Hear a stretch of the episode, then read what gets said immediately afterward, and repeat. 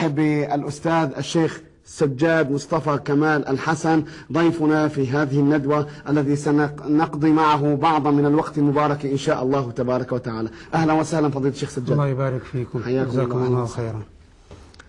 بسم الله الرحمن الرحيم. آه يا إخوة في المرة الماضية تكلمنا عن الحروف العربية من زاوية. هي زاوية جريان النفس عند النطق بالحرف العربي وعدم جريانه. وعدم جريانه أما اليوم فنتكلم على الحروف نفسها ولكن من زاوية أخرى وهي جريان الصوت. المرة الماضية تكلمنا عن جريان النفس. أما اليوم نتكلم عن جريان الصوت يعني عن قابلية الحرف للتطويل والمط. نعم. قابلية الحرف للتطويل والمط. جريان الصوت فيه. نأتي إلى الحروف العربية ونتذوقها حرفا حرفا كما فعل أسلافنا من علماء اللغة والتجويد. ننظر مثلا أش هل نستطيع أن نجري الصوت في حرف الشين؟ أش فنجد بأن حرف الشين قابل للتطويل. طب نأتي إلى حرف أق القاف. أق ونحاول أن نضغط على هذا الحرف. نجد بأنه لا يمكن جريان الصوت عند هذا الحرف. آه، نأتي إلى حرف آه، الثاء مثلا. الث ممكن أن أضغط عليه وأطول الصوت فيه. لكن إن أتيت إلى الباء أب أب مهما ضغطت فإن الشفتان فإن الشفتين قد انطبقتا على الباء. ولا يمكن أن يجري ولا ذرة للصوت في هذا الحرف. طيب لو قلنا مثلا أع أع أع نلاحظ بأن حرف العين لم ينبتر الصوت عند النطق به كانبتار الباء والقاف لم ينقطع. ولكنه لا لن يجري جريان الشين وجريان الثاء. لذلك قام علماؤنا جزاهم الله خيرا من الرعيل الأول من القرن الأول الهجري والثاني الهجري بتذوق الحروف العربية. كيف كانت العرب تنطقها زمن نزول القرآن؟ انتبهنا؟ كل الذي قام به علماؤنا أن تذوقوا هذه الحروف. اللغة موجودة ولكن هم تذوقوها وقعدوا ما وجدوا. ووصفوا ما شاهدوا. لذلك قسم علماؤنا الحروف العربية من حيث جريان الصوت وعدم جريانه إلى ثلاثة مجموعات. المجموعة الأولى فيها ثمانية أحرف. قالوا عنها بأن الصوت لا يجري معها أبدا. سموها بالحروف الشديدة. وعرفوا الشدة عن أن نلاحظ على الشاشة عرفوا الشدة بقولهم الشدة هي انحباس الصوت عند النطق بحرف من حروف الشدة. وحروف الشدة ثمانية كما قدمت مجموعة في قوله في قولنا أجد قط بكت. أجد قط بكت. وبعضهم يجمعها بقولك بقوله أجدك قطبت. أجدك قطبت. نحن نحب التخطيب إن شاء الله.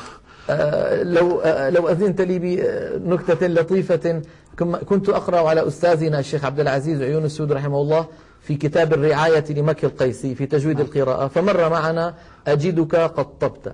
فقال لي الشيخ أجدك قد طبت. جميل. فقلت له يا سيدي أجدك قد طبت فيها تكرير للدال. فقال يا عمي كرر الدال ولا تقطب. آه. جميل. يعني هذه نعم. من لطافات من يعني لطافات المشايخ. نعم. جزاهم الله خيرا. إذا أجد قط بكت أو أجدك قد طبت أو قد طبت هذه الحروف الثمانية لا يجري معها الصوت أبدا. تعالوا لنتأملها أو نتأملها بعد قليل. نحن نكمل. آه ال- القسم الثاني من الحروف يجري آه، معه الصوت ولكن جريانا ضئيلا.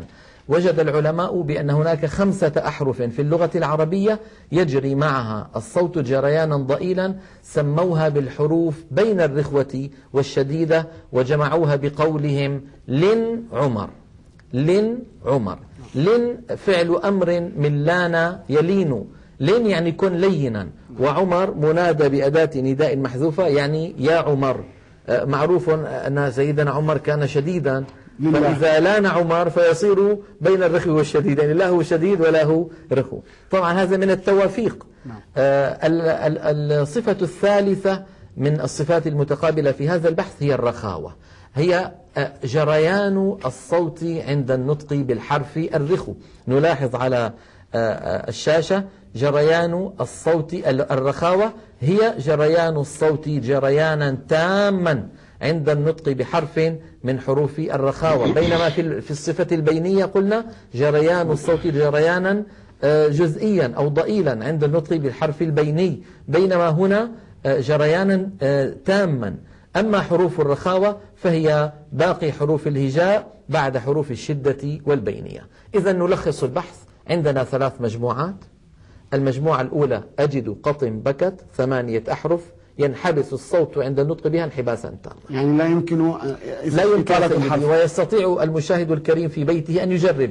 جرب يا أخي في بيتك أن تقول يأتون مثلا. يأ وحاول أن تضغط على الهمزة فتجري معها الصوت. جرب هكذا. يأ مهما ضغطت فإن مخرج الهمزة قد انقفل انقفالا تاما. غير قابل. غير قابل. كذلك الجيم.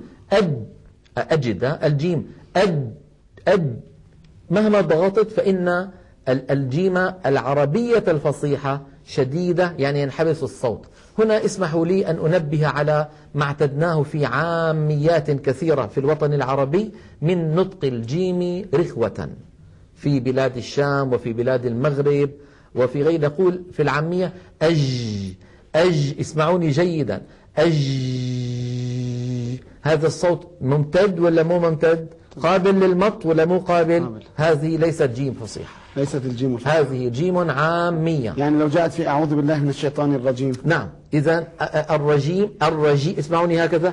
الرجيم هذه ليست صحيحة. نعم. الرجيم أج جا جو دي أج هذه هي الجيم الفصيحة. أولئك هم الكفرة الفجرة. الفجرة فجر أما إذا قلنا الفجرة والجبال أرساها. أصحاب الجنة تجعلون. هذا هذه جيم عامية وليست فصيحة. مخرجها صحيح ولكن فاتها صفة من صفات الجيم الفصيحة وهي انحباس الصوت أي صفة الشدة. هذه الجيم الدال أد جرب أخي في بيتك. أد تجد بأن الصوت قد انغلق تماما. قطن القاف أق الطاء أط.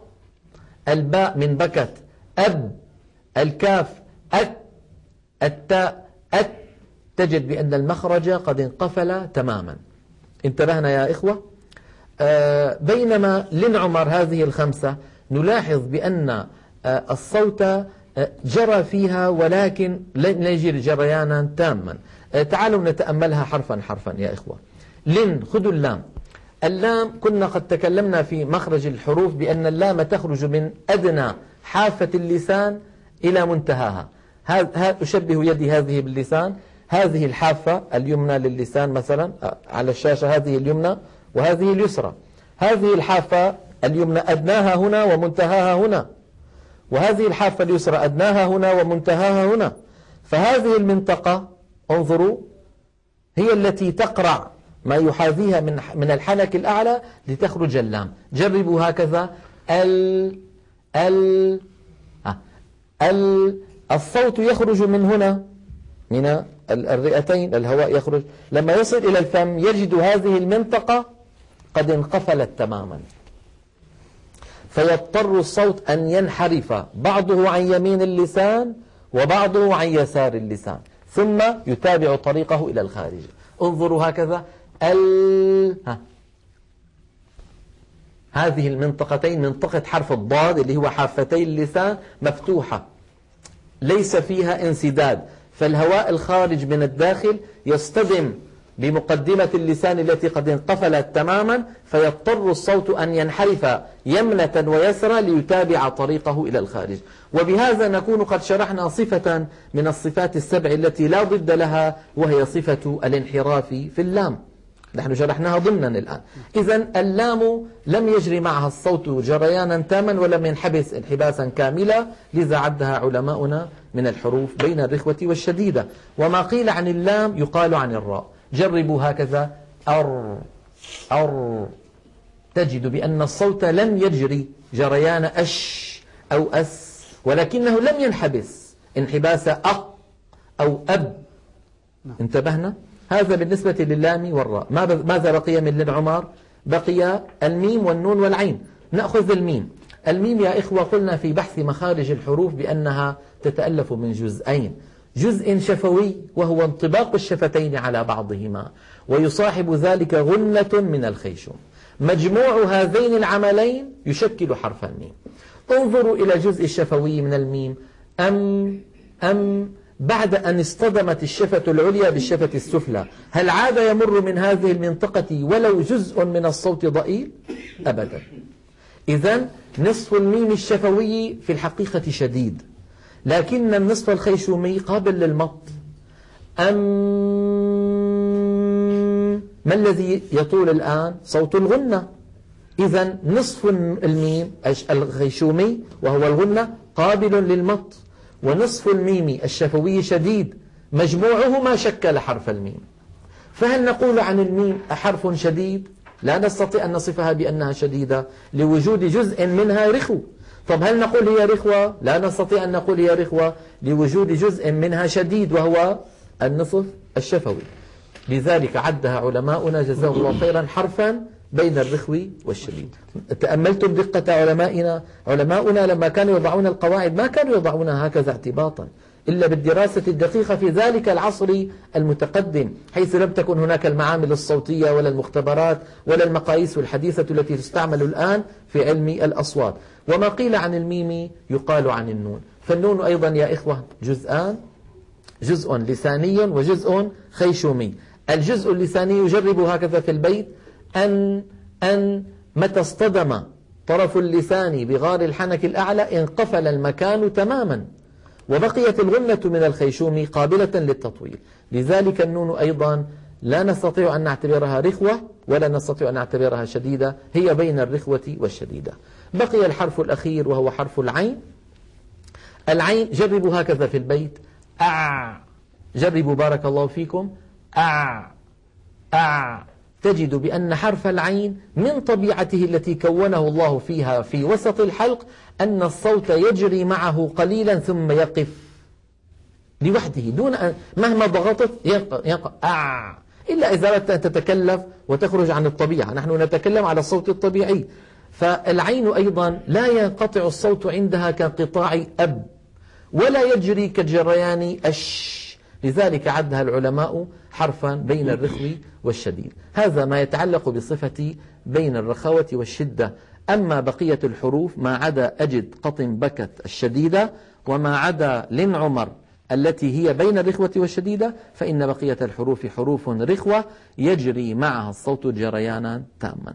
هذا بحثنا لهذا اليوم وله تطبيقات سنذكرها إن شاء الله تعالى في الحلقة القادمة. أثناء تلاوتنا إن شاء, إن شاء الله, الله. تعالى سنمر على تطبيقات كثيرة ولا